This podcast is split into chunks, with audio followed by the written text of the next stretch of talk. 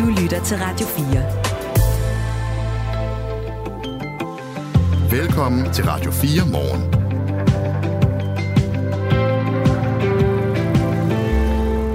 På en morgen, hvor det blandt andet skal handle om gæld. For spørgsmålet er, om det skal være nemmere, hvis man er tidligere dømt, altså har begået noget kriminelt og fået en dom, og få eftergivet sin gæld. Hvis man har en stor gæld, så kan man jo øh, søge om at få den øh, eftergivet eller søge om gældssanering. Men er man tidligere dømt eller indsat og har en stor gæld, så kan det være rigtig svært at vende tilbage til et almindeligt liv, både uden kriminalitet, men altså også uden gælden. For selvom der er de her muligheder for at få eftergivet sin gæld, så er de faktisk rigtig svære at gøre brug af, hvis man har fået en dom, sådan som reglerne er i dag. Det mener en øh, økonomisk rådgiver, der er med efter nyhederne halv syv til at fortælle os mere om, hvad udfordringerne kan være i det her. Partierne bør selv betale for deres spindoktorer, som lyder det fra tidligere venstreminister Bertel Hårder i et indlæg i Altinget. Og den kommentar, den kommer på baggrund af, at øh, SVM-regeringen, altså vores nuværende regerings øh, ministre, har 33 særlige rådgivere, altså det vi også kalder spindoktorer. Og det skulle angiveligt være det højeste antal nogensinde. Klokken 20 minutter over 6, så taler vi med en journalist og redaktør, der modsat Bertel Hårder ikke ser noget problem med antallet af spindoktorer i dansk politik. Og så har weekenden også betydet det MGP, børne-MGP for rigtig mange, i hvert fald børnefamilier. Så så du med egentlig? Nej. Nej, okay. Du er heller ikke helt i målgruppen. Jeg er ikke helt i målgruppen, Nej. og mine børn er også vokset ud af målgruppen. okay, Men jeg har hørt sangen. Ja. Jeg har hørt sangen her til morgen, faktisk. Den hedder Stop. Det er 12-årige Naja, der vandt med øh, den her sang, der handler om mobning. Og det er faktisk ikke den eneste sang, der handlede om lige præcis det. Jeg så det nemlig. Øhm, hvad det så egentlig siger til, eller siger om, hvordan øh, det står til med mobning nu til dags blandt børn, og hvad det egentlig er, der fylder, og om de også er blevet bedre til at tale om de ting, der er svære, øh, blandt andet gennem musikken. Det skal vi tale med en ekspert i forebyggelse og bekæmpning af mobning om hos Red Barnet, og hun er med os her kvart over syv her til morgen. Du lytter til Radio 4 morgen, og tak for, det, øh, tak for det. Vi har tre timer. Vi sender helt frem til klokken 9, og du kan som sædvanligt blande dig, komme med inputs, eller hvis du synes, vi mangler at stille et godt spørgsmål i det interview, så skriv til os på 1424. Godmorgen. Godmorgen. Det her er Radio 4 morgen. Der er godt nyt til alle dem, der ikke er så glade for at blive stukket i forbindelse med vacciner mod for eksempel øh, covid-19 eller influenza. Et par pift med næsespray er måske nok i fremtiden i hvert fald. Og næsesprayen øh, her kan derudover være med til at stoppe smittespredning, det viser et nyt studie fra Københavns Universitet. Allan Randrup Thomsen er professor i eksperimentel biologi ved Københavns Universitet og en af folkene bag den her forskning. Godmorgen. Godmorgen. Hvad, hvad er det, I har fundet ud af? Prøv lige at hjælpe os. Jamen, når man starter med, hvad vi øh, vidste øh, på forhånd. Det er jo, at, øh, at antistoffer øh, er rigtig gode til at beskytte mod infektioner. Det øh, har vi snakket meget om i forbindelse med corona. Øh, men øh, det, der er problemet ved antistoffer, er, at når viruset ændres, sådan så der kommer nye varianter, så er de, bliver de meget hurtigt ineffektive. Og øh, der har vi så øh, en anden del af vores immunsystem, det vi kalder T-celler, som er meget bedre til at opfange sådan nogle ændringer og, øh, og øh, stadigvæk være effektive. Men man har hidtil ikke været interesseret i T-celler i øh, vaccinesammenhæng, fordi man mente, de ville reagere for langsomt. Og øh, det vi så faktisk har vist, øh, og med vi er det en amerikansk gruppe sammen med øh, øh, mig selv og Jan Pravsgaard Christensen og Ida Udbæk, som har undersøgt det, og vi har fundet, at T-cellerne er rigtig effektive, hvis de bare er til stede der, hvor infektionen finder sted, for luftvejsinfektioner selvfølgelig i luftvejene. Og det kan vi opnå ved at øh, give vaccinen på luftvejene, og så har vi det her første linje forsvar, som har vist sig at være overraskende effektivt, både til at beskytte individet og til at, at forhindre øh, eller reducere øh, smittespredning. Så man tager næsespray, altså når vi kommer frem til, at det også gælder mennesker, så vidt jeg forstår, så er det forløbig forsøg på mus. Øhm. Det er dyreforsøg, og der er langt til vi kommer til mennesker, ja. Ja, så man tager næsespray, og så beskytter man både sig selv, men den kan også være med til at forhindre, at vi smitter hinanden, bare lige så jeg forstår det rigtigt i hvert fald. Ja, det er korrekt. Nu er du selv med til at lave det, så det er måske et lidt mærkeligt spørgsmål, men hvor banebrydende er den her øh, forskning?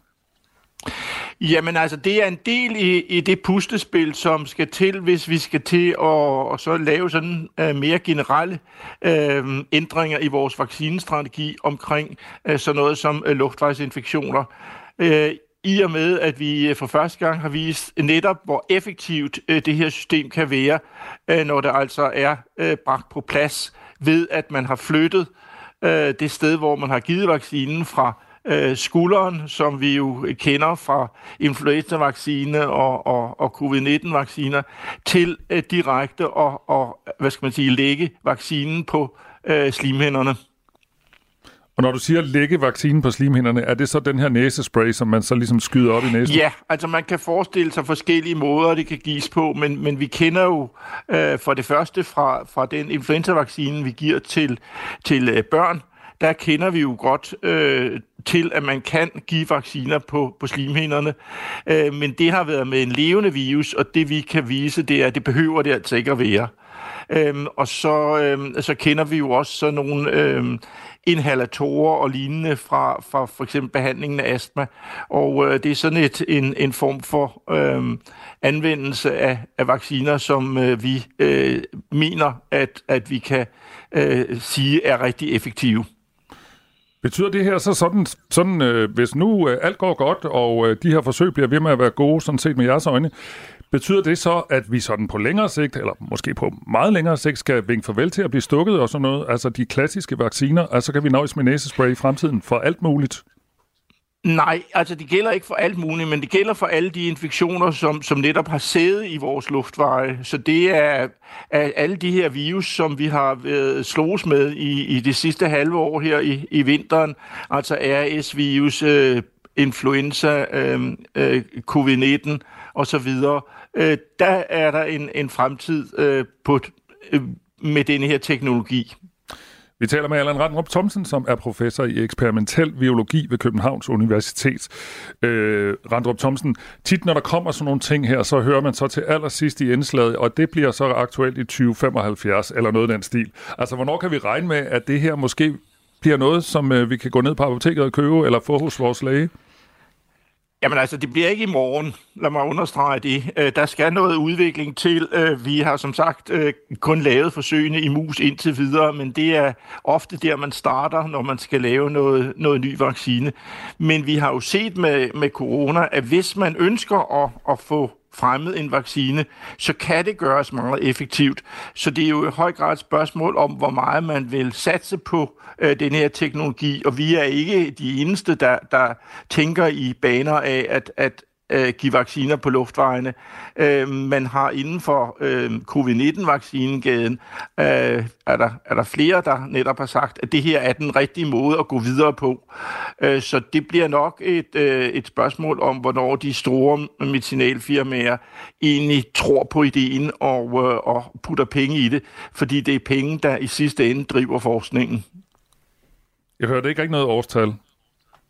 Nej, fordi det kan jeg ikke med, med, med hvad skal man sige, med videnskabelig sindtro øh, øh, sige. Øh, der er mange spørgsmål stadigvæk, som skal undersøges. Blandt andet kan man sige, ved vi heller ikke, hvor mange bivirkninger der er ved det her. Det egner vores forsøg sig ikke til at sige noget om. Vi kan se, at vores mus har det godt, men vi har ikke sådan i større Øh, grad undersøgt dem for, for bivirkninger, og det, øh, det er svært med mus. Øh, der skal man ligesom videre i, i det, man kan kalde fødekæden. Altså, hvis vi kommer til at lave forsøg i aber for eksempel, jamen så kan man begynde at se på, øh, om der er øh, væsentlige bivirkninger. Så det er altså en, en, en en, en langsom udvikling, men, øh, men den afhænger selvfølgelig i høj grad af, hvor meget man vil øh, investere i, i øh, at udvikle det her undervejs. Allan Randrup Thomsen er professor i eksperimentel biologi ved Københavns Universitet. Tak fordi du var med i Radio 4 morgen. Ja, selv tak. Du lytter til Radio 4 morgen. Jeg hører dig snakke, men nu siger jeg ingenting. Det er ikke første gang, du driller min veninde. For jeg har set det her så mange gange før. Det er ikke i orden, det du gør. Måske du sætter rundt og har det rigtigt. Ej, det er altså øh, vinderen af børnenes øh, Melodi Grand Prix, der blev kåret øh, i lørdags. Her vi hører sangen Stop af 12-årige Naja, som man måske kunne fornemme handler om det her med at blive drillet og mobning, eller det, at man ser andre blive drillet, og så faktisk sige, øh, stop, jeg vil ikke have, at du gør det øh, på den der måde. Altså en sang om mobning, der er vandt børnenes Melodi Grand Prix. Hvad det så siger om øh, nutidens børn, det skal vi tale med dig om nu, Naja Kingsson. Godmorgen. Godmorgen. Ekspert i forebyggelse og bekæmpelse af mobning i National Afdeling hos Red Barnet. Hvad øh, er det egentlig udtryk for, at det bliver Naja her, der synger om, øh, om det at sige stop over for mobning? At det er dem, der, den sang, der vinder Melodikampriet? Jamen, det betyder for det første, at det har været en rigtig god sang. Men for det andet, så tror jeg også, at der er rigtig mange børn og unge, som kan spejle sig i det, som Naja hun synger om.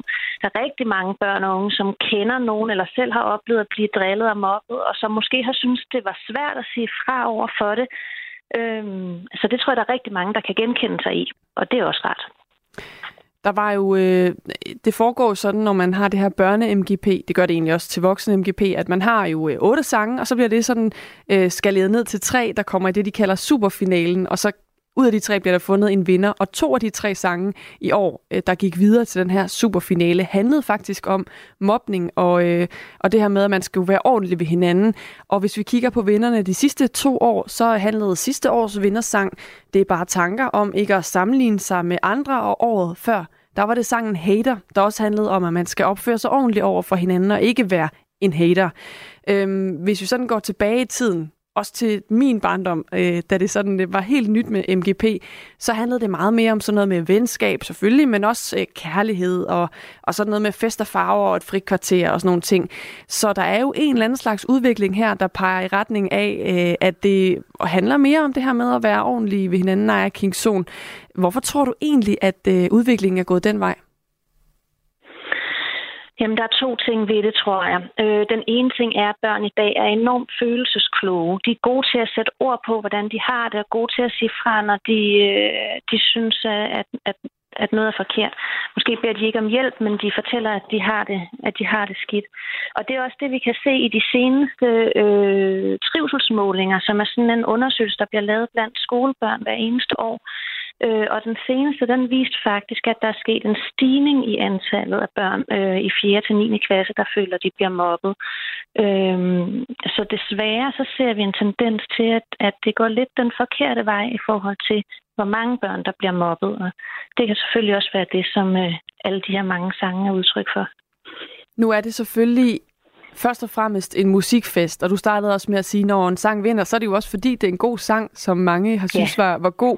Men hvis vi alligevel skal se på, øhm, hvilken betydning det har, øh, når der er sådan nogle MGP-sange her, så er det jo også tit sådan, at det bliver nogle af de sange, man kommer til at gå og høre i skolen, øh, øh, man går og synger med på osv. Kommer det til mm. at kunne rykke noget i forhold til, øh, hvordan børn er over for hinanden, i forhold til antallet af mobbesager, at der er sådan en sang som den her, der vinder, som netop har et sprog for det her med mobning? Jamen noget af det, som man, man ved er rigtig hjælpsomt, hvis der er nogen, der føler, at de bliver mobbet, det er, at der er nogle af deres jævnaldrende kammerater, der tør at sige fra os og, og øh, sige det til nogen, at det sker. Øh, sådan så de voksne kan hjælpe dem. Og øh, sådan en her sang, den starter jo i hvert fald en samtale. Øh, det kan også være, at der er flere, der tør sige, øh, hvis de har oplevet, at der er nogen, der har, der har gjort noget mod dem, som de synes var ubehageligt. Øh, så forhåbentlig kan sådan en her øh, snak starte den samtale. Øh, der er i hvert fald rigtig meget brug for det, som du siger. Der, vi, vi ser også, der er en klar tendens til, at, at, øh, at det er blevet svært øh, at være rigtig i, i klasserne ude på skolerne, fordi øh, at der er meget, man skal leve op til, og der er rigtig mange, man kan sammenligne sig med, både i klassen, men også på sociale medier. Så øh, der er desværre rigtig mange børn, der føler sig forkerte ude i klasseværelserne. Det, øh, nu sagde du før, at det er gået den forkerte vej. Altså, øh, man, man ser, at der faktisk er at antallet af, af mobningstilfælde, øh, hvis man kan sige det sådan, er steget, eller i hvert fald, at flere børn bliver mobbet. Øhm, har det også ændret sig, hvordan mobningen ser ud? Altså, hvordan man mobber nu om dagen? Ja, øh, det har ændret karakter. De grundlæggende sådan, grunde til, hvorfor mobning sker, sådan noget er de samme. Men, men, øh, men som sagt, så ser vi i dag rigtig øh, altså ser vi en tendens til, at, at der er, at det er svært at leve op til, øh, hvordan man skal være og se ud for at blive accepteret af sine klassekammerater. Og øh, rigtig meget af det hænger sammen med øh, sociale medier og den mulighed, der er på sociale medier for hele tiden at sammenligne sig med andre og blive vurderet af andre. Øh, og så når jeg er ude på skoler i øjeblikket, hører jeg hele tiden om, øh, hvordan sproget er blevet enormt hårdt. Øh, det kan både være racistisk og sexistisk, øh, men i, hele taget, i det hele taget en meget groft sprog uden filter øh, mellem børnene. Og derfor så øh, er det måske også øh, en af grundene til, at vi altså nu ser nogle af de her sange i Melodi for børnene, der handler om mobning. Det er i hvert fald øh, et bud på, øh, hvorfor det også fylder rigtig meget hos børnene. Tak fordi du var med her til morgen, Naja King Son. Selv tak. Som altså er ekspert i forebyggelse og bekæmpelse af mobning i national afdeling hos Red Barnet. Kan vi godt lige tåle lidt af den igen? Jeg hører dig snakke, men du siger ingenting. Det er ikke første gang, du driller min veninde For jeg har set det her så mange gange før Det er ikke i orden, det du gør Måske du går rundt og har Jeg synes altså, den er god. Ja. Hvorfor? Jeg synes bare, den, det er da en god melodi, Ja. og øh, det er også godt sunget, synes jeg faktisk er Det en tænker på jeg 12. også på. Ja, Ja. det er dejligt. Nå, det var Børne MGP. Det var i weekenden. Nu øh, er klokken 21 minutter over 6, og det er mandag morgen. Hanne Bol, hjertelig velkommen til Portrætalbum. I Portrætalbum bruger Anders Bøtter musikken til at vise nye sider af sine gæster. Der var en stor bevidsthed om ligestilling. Og det tror jeg er en af grundene til, at Anne Linnet og Sanne og Lisa, alle mulige kvinder på det tidspunkt, havde ret stor selvtillid. Min generation, som er vokset op med den der rødstrømpe bevægelse, de har gjort arbejdet for os. Og vi tager ikke over. Vi, vi kører bare derudad. Woo! Lyt til Portrætalbum i Radio 4's app, eller der, hvor du lytter til podcast. Lige pludselig en dag vågner jeg op til, hvad pokker er der sket? Antallet af spindoktorer i den siddende regering, også kaldet særlige rådgiver, er det højeste nogensinde. 33 styks, fordelt på 24 ministre. Og det er altså vel at mærke ikke presserådgiver eller pressechefer, men særlige rådgiver for ministerne. Og det har blandt andet fået øh, tidligere venstremand og venstreminister og meget mere Bertel Hårder til tasterne. Partierne bør selv betale for deres spindoktorer, lyder det blandt andet fra Bertel Hårder i et indlæg på netmediet Altinget. Og de her spindoktorer, de får mellem øh, 800.000 og 1,5 millioner kroner i løn, så det er sådan et relativt stort tocifret millionbeløb, der bliver brugt på særlige rådgivere i regeringen. Esben Ørberg er ansvarshævende redaktør på øh, magasinet Nordiske fra Foreningen Norden, og så er han også tidligere kommunikationschef i Dansk Journalistforbund. Godmorgen. Godmorgen. Bertel Hårder kritiserer, at de her særlige rådgivere finansieres af staten og ikke af partierne selv. Er det en rimelig og færre kritik? Øh, Det er det over. Det er det slet ikke. Nu, nu, nu, har jeg, nu ved jeg ikke, altså, jeg, hold, jeg, jeg synes, Bertel Hårder er utrolig øh, en klog mand, men, men han er jo fra en fortid, øh, hvor øh, han ville alt selv som minister. Og øh, i, øh, i dag kan ministerne ikke det. Ministerne skal have nogle rådgiver, også politiske rådgivere, der er helt tæt inde på dem. Øh, nu er det så heller ikke Bertel Hårder, der egentlig er grunden til, at jeg, jeg siger noget hos jer lige nu. Øh, fordi jeg har faktisk ikke engang læst, at han for 27. gang øh, også har brokket sig over de særlige rådgivere. Altså min forarvelse skyldes jo mere, at medierne øh, øh, og senest Jyllandsposten øh, fnyser af forarvelse over øh, de her 33 særlige rådgivere mod 250.000 almindelige embedsmænd. Øh, det er det, jeg, øh, det, er det, jeg synes er, er, er urimeligt og mod bedre vidne og populisme osv. Men, øh, men i hvert fald, øh, der er i den grad brug for, at ministerne har nogle ganske få medarbejdere, som kan tænke og rådgive politisk. Mm. Noget af det, Bertel Hård, det kan jeg så fortælle dig, når du ikke har læst det. Øh, noget af det, Bertel Hård, øh, hvad hedder det, hæfter sig ved, det er, at han synes, at øh, det måske var partierne, der skulle betale for dem. Og kan det ikke være noget om det? Det kan være nogle gange være svært at regne ud, hvornår en særlig rådgiver arbejder for en minister, og hvornår vedkommende ligesom er ude at sælge et politisk budskab fra et parti. Jo, det kan der for så vidt være noget om jo, fordi ministeren er jo, har jo to, han har mange kasketter, men især to. Han er jo øverste chef for nogle gange tusinder, ti tusinder af medarbejdere. Så er han også partipolitiker. Og det er da en lidt svær rolle. Øh, det er jo demokratiets vilkår. Og, og, og øh, lige netop derfor, så er der brug for noget hjælp i det grænseland, der er mellem det, der vi øh, sådan, øh, på embedsmandssprog kalder saglighed og faglighed. Altså det der med, at embedsmanden skal tale sandt og være klog og dygtig og kunne sit fag. Der er så et, et, et, et, et, sige, et vakuum, et grænseland over øh, øh, mellem øh, embedsmanden og partipolitikeren. Og det er der, hvor ministeren har brug for hjælp. Det er uomtvisteligt. Ministeren kan simpelthen ikke, kan ikke leve uden at have en departementschef og en særlig rådgiver. Det er, det er de to personer, øh, som, som i særlig grad kan bevæge sig inden for det område, hvor embedsmændene jo faktisk ikke må gå ind.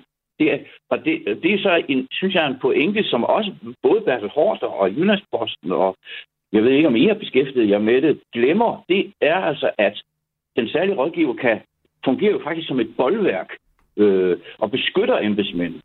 Øh, altså den særlige rådgiver styrker ministeren som, som, altså som, på en måde, som almindelige embedsmænd jo ikke kan, fordi de er bundet, og heldigvis for det, af at skulle råd, øh, være savlige og faglige fra morgen til aften.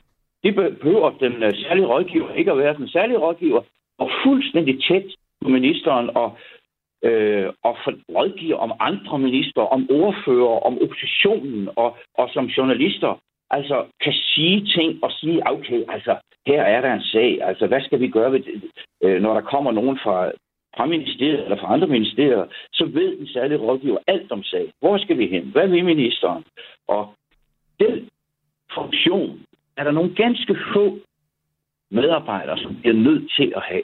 Mm. Det er pointe. Vi taler med Esben Ørberg, som er ansvarshavende redaktør på magasinet Nordiske og tidligere kommunikationschef i Dansk øh, Journalistforbund. Øh, for eksempel justitsminister Peter Hummelgaard, han har for nylig ansat sin anden særlige rådgiver. Hun har en fortid i Socialdemokratiets politiske afdeling, og det er absolut ikke det eneste eksempel, hvor man ansætter spindoktorer med en fortid i en ministers parti. Jeg tror også, det er noget af det, der giver diskussion nogle gange. Altså det her med, at det er simpelthen folk, der er født og opvokset i et eller andet politisk parti, og nu får de så sådan den her post. Det, den diskussion har vi også haft nogle gange. Øh, hvad siger du til den del, øh, Esben Ørberg? Jamen, det er, jo, det er jo fantastisk, fordi det er jo lige præcis det, der er ideen. Altså, ideen er, at ministeren, udover de her øh, 20.000 embedsmænd, som han eller hun omgiver sig med, kan ansætte en til to særlige rådgivere, som ministeren selv bestemmer, skal være, øh, hvem, hvem det skal være. Det, der er ikke noget opslag. Og det er ofte af gode grunde dygtige folk, som ministeren kender fra sit partipolitiske netværk. Det, det, det, det er jo det, der er hele ideen. Øh, så altså, øh, forarvelsen er, er, er fuldstændig øh, øh, fjollet. Øh, eller, eller også beror det på, at ja, det ved jeg ikke, de fleste øh, er det mod bedre vidne, og at, at, at kan synes, at det er, det er der noget mystisk i. Så du er, så. Bare, du er bare glad og begejstret for de her 33 øh, spindoktorer? Jamen altså, jeg vil sige, der er ikke nogen øh, faggruppe i det land, der er underlagt øh, mere faste og nøje afstemte regler end de 33 særlige rådgivere. Der er udgivet betænkning efter betænkning, og der, øh, Økonomistyrelsen har en vejledning, som er så langt som øh, et ondt år, om hvad de må, og hvad de skal, og hvad de kan, og at de skal aflevere deres nøgler i samme sekund, ministeren går af, og, øh, og så videre, og så videre. Så jeg vil, jeg, jeg, jeg, jeg ikke, det, er jo ikke, det er jo ikke et spørgsmål om at være, være glad eller øh, ikke at være glad, men det er et spørgsmål om at se, er der noget ret og rimelighed i ansættelsen af særlige rådgivere. Og øh, altså, da, nu ved jeg ikke, hvor meget, hvor, hvor, hvor meget tid vi har, men... men 30 men, sekunder. Øh, 30 sekunder. Okay.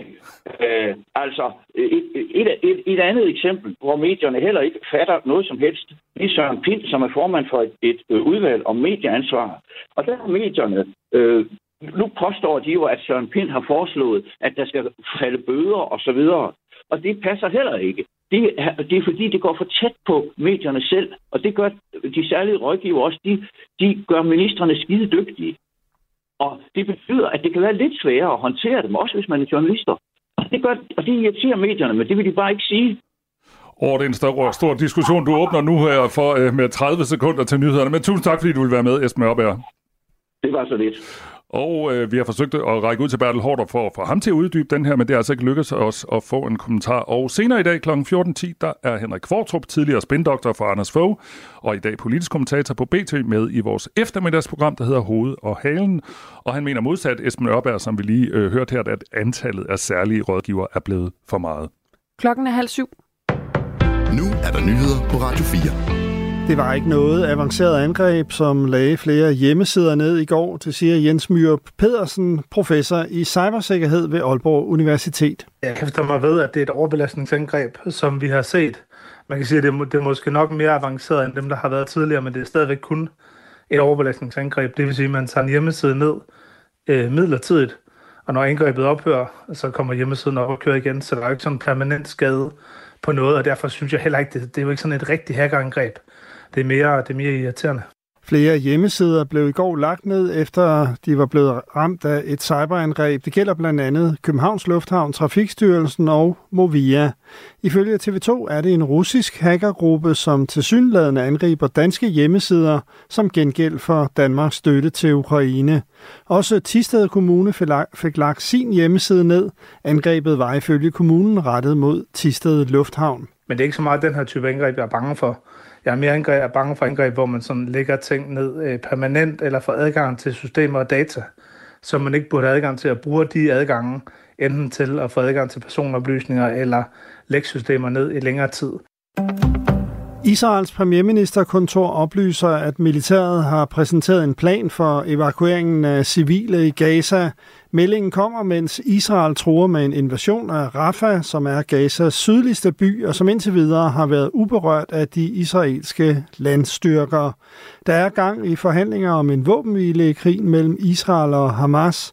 I går sagde Israels premierminister Benjamin Netanyahu dog, at en mulig våbenhvile kun vil forsinke en landoffensiv i Rafah. I det internationale samfund er der frygt for, at en landoperation vil føre til store civile dødstal i Rafah, hvor omkring 1,4 millioner palæstinensere, de fleste af dem fordrevne fra andre områder, opholder sig. En række regeringsledere mødes i dag i Frankrigs hovedstad, hvor de skal diskutere krigen i Ukraine. Det oplyser det franske præsidentkontor. Asbjørn Møller fortæller. Vært for konferencen, der finder sted i Élysée-palæet i Paris, er Frankrigs præsident Emmanuel Macron. Ifølge præsidentkontoret deltager mindst 20 stats- og regeringschefer. Blandt deltagerne er Tysklands forbundskansler Olaf Scholz og Polens præsident Andrzej Duda, og også den danske statsminister Mette Frederiksen. På mødet får deltagerne mulighed for at genbekræfte deres sammenhold, oplyser præsidentkontoret. Derudover vil konferencen være en anledning til, at stats- og regeringscheferne igen bekræfter, at de er fast besluttet på at overvinde aggressionskrigen, som Rusland fører. Konferencen bliver åbnet af Ukraines præsident Volodymyr Zelensky. Han skal holde tale via en videoforbindelse. Norske piloter har registreret en voldsom stigning i antallet af GPS-forstyrrelser fra Rusland ved flyvninger i den nordlige del af landet. Det oplyser den nationale kommunikationsenhed i Norge indkom ifølge avisen Dagens Næringsliv. I 2019 blev der registreret seks dage med såkaldt jamming, mens det i 21 skete 18 dage. I 22 og 23 var der henholdsvis 122 og 294 dage med jamming. Begrebet jamming dækker over forstyrrelser af radiosignaler. Forstyrrelserne er registreret i området Finnmark, som grænser op til Finland og Rusland. Indkom skriver, at sagen er taget op med de russiske myndigheder. Først på dagen stedvis tåge, men i løbet af dagen lidt sol, temperaturer fra 4 til 7 grader og svag til jævn vind omkring nord. I aften og i nat mest klart, dog med lokal tåge. Det her er Radio 4 morgen. Husk, at du kan sende os en sms på 1424. Og lige netop det, altså at sende en sms, det er der flere, der har gjort, efter vi øh, talte med Esben Ørberg inden nyhederne, om det, at øh, antallet af spindoktorer i den siddende regering, det man også kalder særlige rådgiver, er det højeste nogensinde. Det har fået øh, Michael til at skrive ind på 1424. Hvorfor skal jeg betale en ministers behov for politisk støtte, så han undgår at skide i nælderne og blive genvalgt? Og det er jo altså det her med betalingen, er jo altså fordi, at øh, blandt andet øh, venstremand øh, Bertel Hårder har skrevet et indlæg i netmediet Altinget om, at partierne i hans optik selv bør betale for de her spin-doktorer, i stedet for at det er øh, noget, som øh, vi alle sammen betaler for. Og Lars fra Sønderborg skriver, hvad særlige rådgiver har gjort minister dygtig til, er, at det har ikke været muligt at få den i tale. I øvrigt sært, hvis en minister ikke selv kan tænke politiske tanker og idéer, skriver altså Lars til os på 1424 som en kommentar til, at der er en del ministre, der øh, ikke stiller op i pressen, og vi må også her på Radio 4 for tid til anden ligesom sige, det var ikke muligt at få en kommentar fra pågældende minister. Lad os lige runde af med Ulrik fra Nordfyn, der skriver, hvis jeg havde to-tre spindoktorer, der hele tiden kunne fortælle mig, hvad jeg skulle sige i hvilken som helst sammenhæng, så kunne jeg jo også godt være politiker. Det kan ikke være rigtigt, at man som politiker ikke selv ved, hvad det er, man vil sige. Tak for sms'erne. 1424 skal man sende den slags ind til, og der er jo øh, i den grad åben for inputs resten af morgenen også. Klokken den er 6.35. Din værter her til morgen, det er Anne Philipsen og Michael Robach. Godmorgen. Godmorgen. Du lytter til Radio 4 morgen. Skal det være nemmere for tidligere dømte at få eftergivet deres gæld? I dag er det sådan, at øh, hvis man har en stor gæld, så kan man søge om at få den eftergivet, eller man kan søge om gældssanering. Men er man tidligere dømt eller indsat og har en stor gæld, så kan det være svært at vende tilbage til et almindeligt liv uden kriminalitet og uden gæld. For selvom der er de her muligheder for at få eftergivet gæld, så er de svære at gøre brug af, hvis man har fået en dom. Det mener øh, du, Flemming Torslund, der er indehaver af den økonomiske rådgivningsvirksomhed Aktiv Finans. Godmorgen. Godmorgen. I dag er det jo sådan, at man øh, som udgangspunkt, hvis man har fået en dom, får karantæne for gældssanering i 10 år. Hvordan oplever du, at det kan gøre det svært for mennesker, der har begået øh, kriminalitet at få eftergivet deres gæld?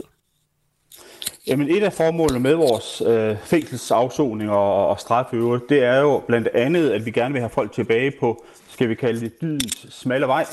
Øh, og der spænder vi en gang mellem ben for os selv.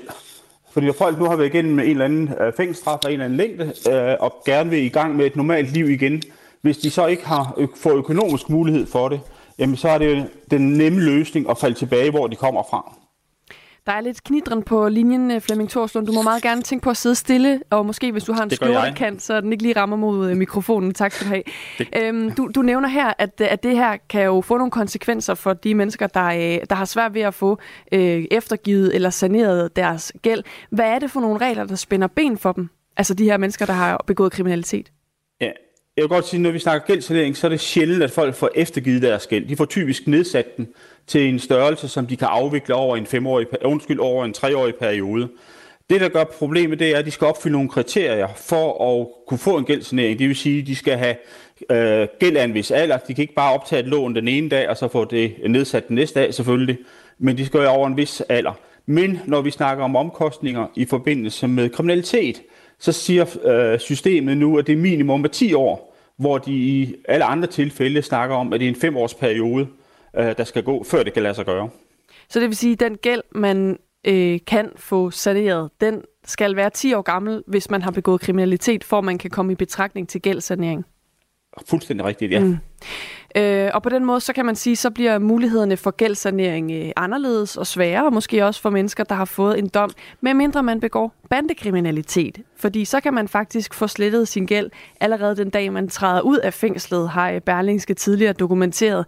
Hvad tænker du egentlig om det, at der så er øh, nogle særregler her for bandekriminalitet, når det kommer til at få eftergivet gæld?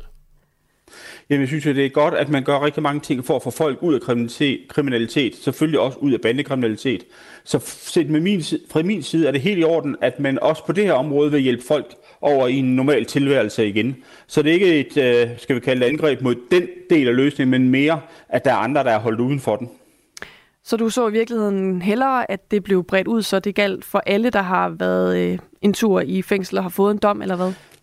Ja, at man øh, sideordner det, så uanset om du har været i fængsel eller ej, så er det de samme kriterier for at kunne få en gældssanering, som jo som sagt er en nedsættelse af gælden i langt, langt de fleste tilfælde, og ikke en spørgsmål om at få den slettet. Men at der ikke bliver spændt ekstra ben for folk, der har været involveret i kriminalitet. Jeg taler altså med Flemming Torslund, der er indehaver af den økonomiske rådgivningsvirksomhed Aktiv Finans, hvor I jo blandt andet også rådgiver danskere omkring det her med øh, gældssanering. Øhm, når man øh, ikke selv har gæld, øh, i hvert fald ikke en gæld, man ikke er i stand til at betale, så kan det måske lyde lidt uretfærdigt, eller i hvert fald svært at forstå, hvorfor man overhovedet har regler for, øh, at man kan få lov til at få sin gæld eftergivet og kan slippe af med nogle penge, man jo sådan set har lånt. Vil du prøve at forklare, hvorfor der overhovedet findes den her mulighed for, at mennesker, der skylder penge, de kan få slettet den gæld, de har? Formålet med det, det er jo, at man fra samfundet gerne vil have folk tilbage på, på rette spor. Og der kan jo være mange årsager til, at man er kommet i en situation, hvor man ikke kan betale hele sin gæld. Øh, det kan være skilsmisse, det kan være øh, fald på ejendomspriserne. Øh, nu har vi en, været i en periode, hvor der har været stigende ejendomspriser, men hvis vi går 7-8 år tilbage, der sad folk jo ofte med en ejendom, som de har købt, som kun var det halve værd, hvor de havde behov for at komme, komme videre i form af et salg. Så det grundlæggende, det er jo, øh, at man gerne vil have mennesker tilbage på, hvad skal vi sige, rette spor igen, og man kan heller ikke tage fejl af, at i den periode, hvor der er en gældsanering, jamen det er en periode, hvor folk virkelig skal skære deres økonomi til, øh, og der ikke er plads til ret meget andet end blot at få populært sagt med på bordet. Øh, så, så det er ikke nogen nem løsning, men, men det er en løsning, der er der, og som en løsning kan hjælpe mange videre. Du har oplyst til os, at omkring 10 procent af de henvendelser, I får om øh, gældssanering, der øh, har, har skyldneren afsonet en dom, og det er altså i de tilfælde, at man så skal vente de her øh, 10 år, altså gælden skal blive 10 år gammel, om jeg så må sige, før man kan få hjælp til at få den, øh, få den nedsat. Hvis øh, personen har gjort noget ulovligt, men ikke har siddet i fængsel som følge af det, for eksempel sådan en mindre økonomisk kriminalitet i forbindelse med en virksomhed eller lignende, så er grænsen så på 5 år.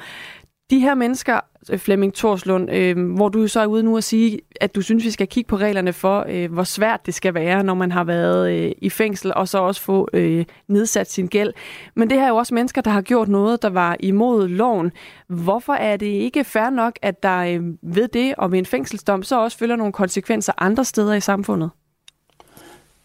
Fængselsdommen er jo netop en del en straf. Det er noget, som folk de skal gennemgå, som skal vi kalde det betaling for de ting, de har lavet. Men det er også et led i, at folk skal kunne komme tilbage og erkende, at det er bedst at komme tilbage på normal fod igen. Uh, og der, stiller, der spænder vi lidt ben for os selv uh, ved de her regler. Fordi folk nu har været inde og sidde to-tre år, og derefter ønsker at komme ud af kriminalitet, så vil det jo indebære som regel mange andre ændringer i deres tilværelse, nye omgangskredse, uh, nye miljøer, og hvis de så ikke kan se lyset uh, inden for en overskuelig fremtid, så er det nok for de fleste mennesker desværre den letteste løsning at fortsætte der, hvor man kom fra. Er det noget, du har oplevet, at, at det er den vej, det går for nogle af dem, som du øh, ikke er i stand til at hjælpe med, og ved at give dem en, en altså vejlede dem til en gældssanering? Vi oplever jo tit, når vi øh, har de indledende møder, at folk så oplever, at jamen, der skal i hvert fald gå 10 år, før det bliver relevant, at folk er meget, meget opgivende. Øh, vi har ikke direkte kontakt med folk bagefter, øh, men det, at folk giver op, øh, det ender jo som regel i, at de vender tilbage, hvor de kommer fra. Hvad skal der egentlig til for at få en gældssanering, eller få nedsat sin gæld? Fordi jeg tænker også, når vi taler om, øh, om de her regler, som er specifikt for, for mennesker, der har begået kriminalitet, øh, så er det jo også et spørgsmål om, øh, at der jo også skal være en fidus i måske, at man mm, sådan med ro i sindet kan optage noget gæld, og så øh, sige, at det bliver alligevel bare nedsat, når jeg øh, kommer ud, øh, eller i andre tilfælde. Altså, hvad skal der egentlig til? Hvor mange krav er der til, hvornår man får ja til, at ens gæld bliver nedsat? Jamen, altså, de normale gældssaneringsregler øh, har en fire forskellige øh, forudsætninger. Punkt 1. Folk skal være i arbejde, have en øh, fuld øh, indkomst. Det er ikke et spørgsmål, om den er høj eller lav, men de skal være i arbejde. Der skal være afklaret boligforhold, øh, og det skal være rimelige boligforhold. Det vil sige, at hvis øh, man øh, systemmæssigt, ret, retssystemet vurderer, at den bolig, en øh, person har, er for dyr, får han ikke gældssanering. Men han skal have en rimelig bolig. Øh, så skal gælden øh, være af en øh, vis alder, øh, og der er i langt, langt de fleste tilfælde, så skal gælden være mere end 5 år gammel, og så skal der være ordnet forhold over for det offentlige. Det vil sige, at vedkommende skal betale sin børnepenge, skal betale sine skatter i, øh, i en femårsperiode. Så, så folk skal først, hvad skal vi sige, være på dydens smalleste i fem år, før en gældssanering kommer ind. Og så er altså problemet, så hvis der ligger noget gæld vedrørende kriminalitet, så er det ikke fem år, så er det 10 år. Øh, og der jeg siger, hvis, det, hvis folk i en femårsperiode har gjort det, de skulle, så må det også være okay at sige, så kan de godt være med, når de opfylder alle kriterierne. Flemming Torslund, øh, vi øh, taler jo om den her historie, som, som i bund og grund handler om, hvis vi sådan skal skære det helt ind til benet, om det skal være nemmere for tidligere dømte at få eftergivet deres gæld. Og, og i det ligger der jo også, at øh, at der kan være noget provokation. Det kan jeg i hvert fald se, når jeg sådan læser sms'erne, vi får ind på den her historie. Du får lige et par af dem. Øh, Mik ja. skriver, øh, så skulle man komme ud af fængslet med en stor bøde, en erstatningsgæld til dem, der er ofre, en gæld til dem, man har besværet osv. Det lyder ikke rigtigt, at man for eksempel bare kan lave økonomisk kriminalitet, bruge pengene i sus og dus, og så få det hele slettet. Der bør være en grænse for vores naivitet, for hvem vil så holde sig for den type kriminalitet, hvis der ikke er konsekvenser for tyveriet, ud over et meget kort fængselsophold, hvis overhovedet noget, skriver Mik. Hvad tænker du om det, Flemming Torslund? Jeg er jo helt enig med Mik i, selvfølgelig skal vedkommende ikke bare komme ud af fængslet og så få slettet deres gæld.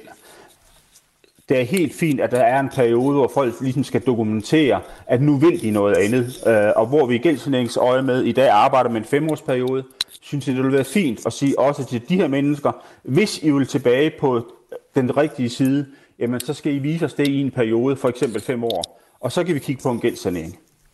Tak skal du have, fordi Det skal du var selvfølgelig med. ikke bare være dagen efter. Undskyld. tak. tak skal du have, Flemming Torslund, der altså er indehaver af den økonomiske rådgivningsvirksomhed Aktiv Finans. Klokken er kvart i syv.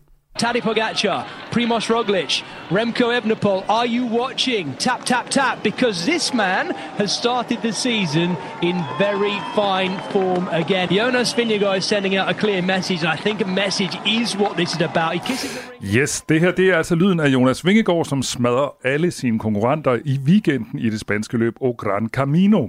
Han vandt tre ud af fire etapper, og den samlede sejr rimelig overlegent.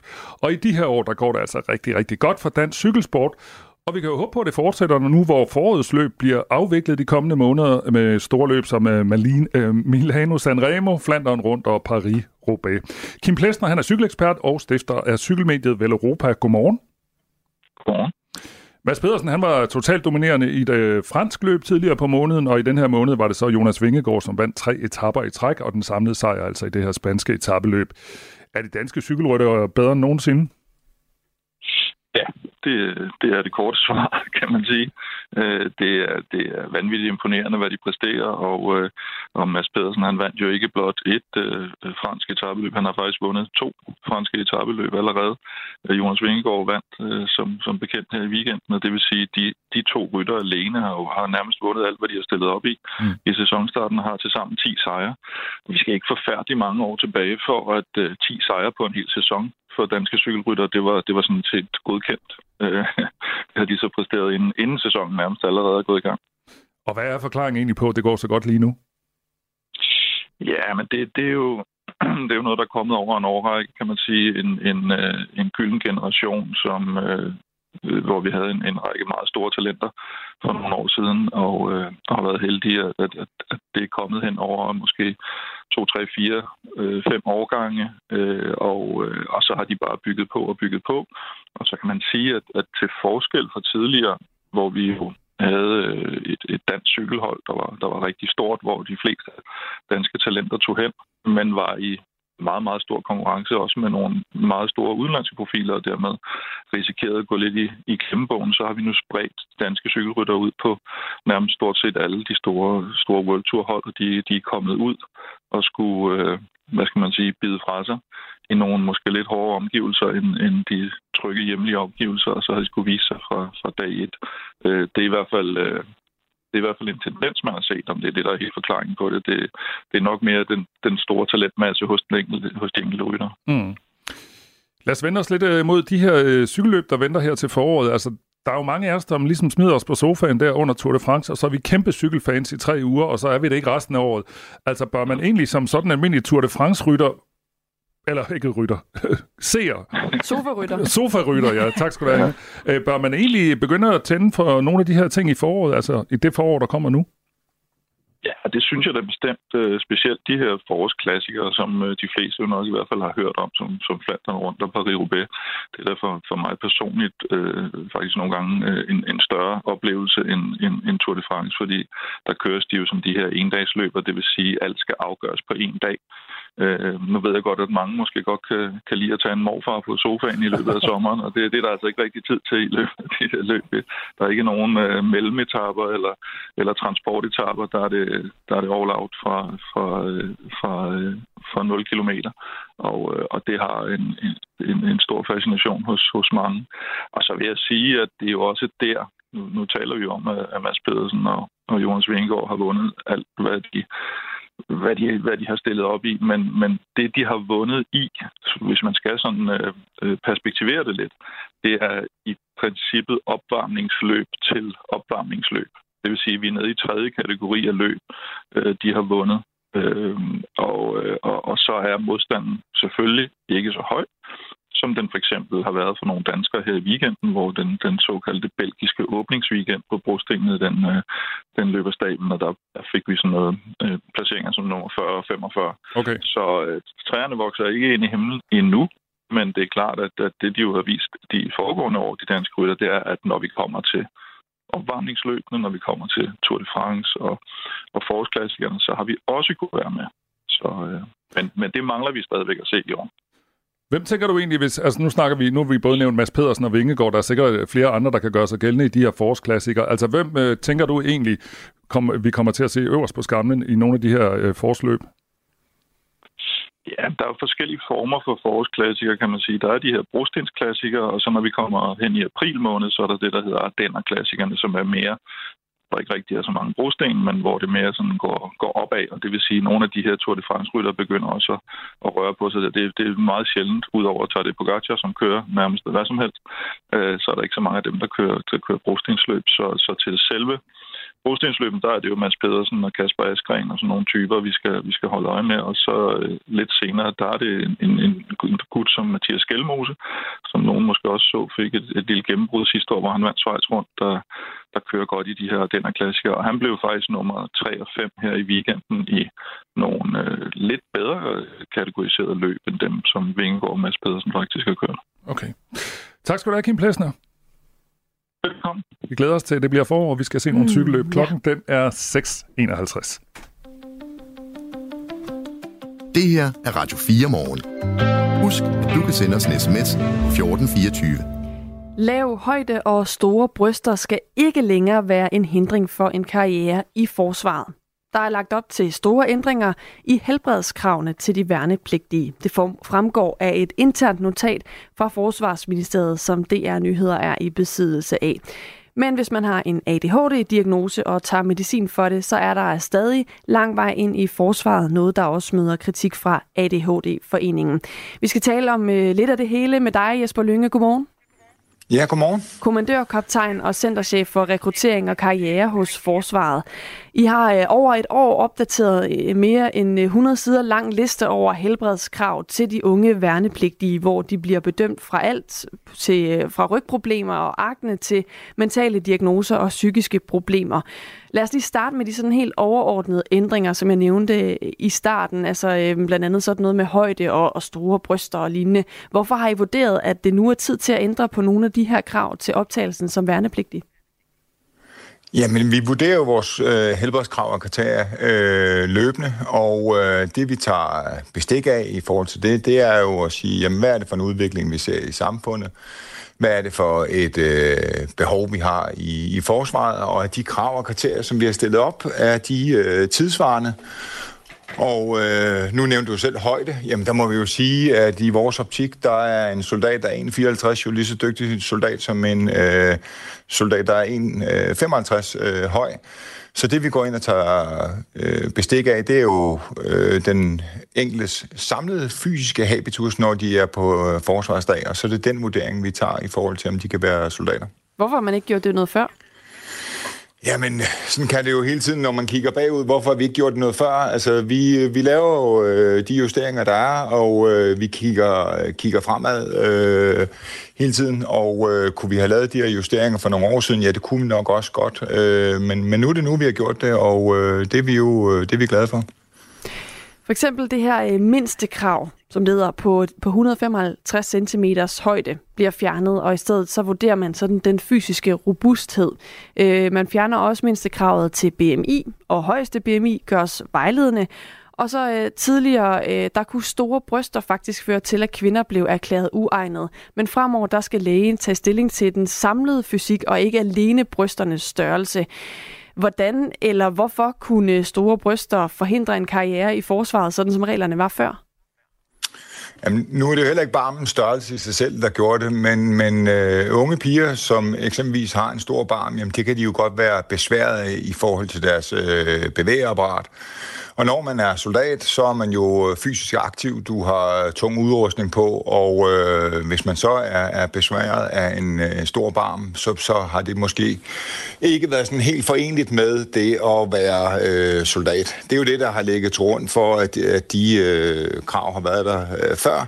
Øh, det er jo simpelthen fordi, øh, man ønskede at undgå, at øh, de pågældende de fik øh, skader. Men det har jo været sådan en regel, der har været sådan lidt øh, sort-hvid, og som ikke rigtig er blevet brugt, fordi igen så tager det jo, øh, skal vi jo tage bestik af, hvordan den øh, enkelte øh, pågældendes øh, fysiske robusthed er på forsvarsdag. Og øh, der synes vi ikke, det er relevant at, at tage stilling til barmens størrelse. Der synes vi, det er relevant at tage stilling til, hvordan øh, fremstår den enkelte. Er det måske en person, som dyrker sport i forvejen? Øh, er der noget til hænder for, at, øh, at pågældende kan være soldat? Øh, og så i virkeligheden få fjernet det kriterie. Så er der også det her med øh, psykiatriske diagnoser. Der er det sådan, at mindre alvorlige tilfælde af psykiatriske diagnoser som udgangspunkt ikke skal føre til, at man kan blive kasseret. Og har man øh, ADHD eller ADD og er ikke medicineret, så skal man som udgangspunkt erklæres egnet. Og det er et lille skridt i den rigtige retning, hvis man spørger direktøren for ADHD-foreningen, som hedder Camilla Louise Gantorn. Ja, det foreningen bliver vi glade hver gang, at vi kigger på, om der skal ændres noget, der gør det bedre for mennesker med ADHD. Og jeg synes jo, i det her øh, udspil, der er, der er jo et lille skridt og en lille åbning i forhold til at gøre lidt mere og bruge den viden, vi faktisk har på området. Men samtidig så er direktøren i ADHD-foreningen ærgerlig over, at der stadig er øh, regler for, at øh, ADHD-patienter, der er medicineret, ikke kan aftjene værnepligt. Det, at vi har haft skilt mennesker med ADHD ud så længe, øh, synes jeg jo har været meget forkert. At man i det mindste burde tilbyde en individuel vurdering, inden man bare skiller ADHD øh, fra, inden man bare siger nej tak til mennesker med ADHD. Jesper Lønge, altså kommandørkoptegn og centerchef for rekruttering og karriere hos Forsvaret. Øhm, Camilla Louise Ganshorn fra ADHD-foreningen efterlyser her, at man øh, også giver de medicinerede ADHD-patienter en individuel vurdering, når man vurderer, om de kunne være egnet øh, til en karriere i Forsvaret. Hvorfor gør man ikke det? Jamen, øh, alle, der kommer ind på Forsvarets dag, de får jo en individuel øh, vurdering. De helbredskrav og kriterier, vi har, også på det psykiske område, dem har vi jo la- øh, fastlagt ud for den øh, viden, vi har. Og øh, nu snakker vi lidt om højde øh, før. Det er sådan nemt for os at have mere at gøre. Øh, der, hvor det bliver en lille smule mere kompliceret, det er jo, når vi bevæger os ind på det psykiske område. Og der har vi øh, erkendt, at øh, for at vi kan lave nogle justeringer til de krav, så bliver vi nødt til at inddrage noget civil øh, øh, ekspertise øh, på området øh, således at øh, vi er sikre på, at vi får lagt øh, kravene og kriterierne øh, rigtigt. Så det videre analysearbejde, vi laver, øh, og det løbende opdatering af vores helbredskrav og kriterier, jamen, det vil jo så indrulle også, hvad øh, kan vi gøre for de her øh, unge mennesker, som eksempelvis er i medicinsk behandling for en øh, psykisk diagnose. Nu ved jeg godt, du startede med at sige, at alle får jo en individuel vurdering, men bare lige for at være specifik, så er reglerne jo sådan, øh, som de også er blevet justeret til nu stadig, at øh, man ikke må være medicineret for ADHD, hvis man vil være værnepligtig. Så er vi enige om, hvis man kommer og er medicineret for ADHD og gerne vil være værnepligtig, så vil det, som reglerne er i dag, betyde et nej med det samme. Ja, det er, det er fuldstændig korrekt, men det er jo også det, der er vigtigt for mig at sige, det er jo det, der vi laver en individuel vurdering, fordi det har jo været lidt sådan lagt ud som om, alle med ADHD, de øh, som udgangspunkt blev øh, erklæret uegnet, og det er jo ikke tilfældet. Vi går ind og ser, hvad er det for et øh, sygdoms- eller behandlingsforløb, den pågældende har været igennem eller er igennem, og så tager vi individuel øh, vurdering på baggrund af det. Og de helbredskrav og kriterier, vi har på nuværende tidspunkt, der siger vi, at man skal ikke have været i medicinsk behandling inden for, for 12 måneder.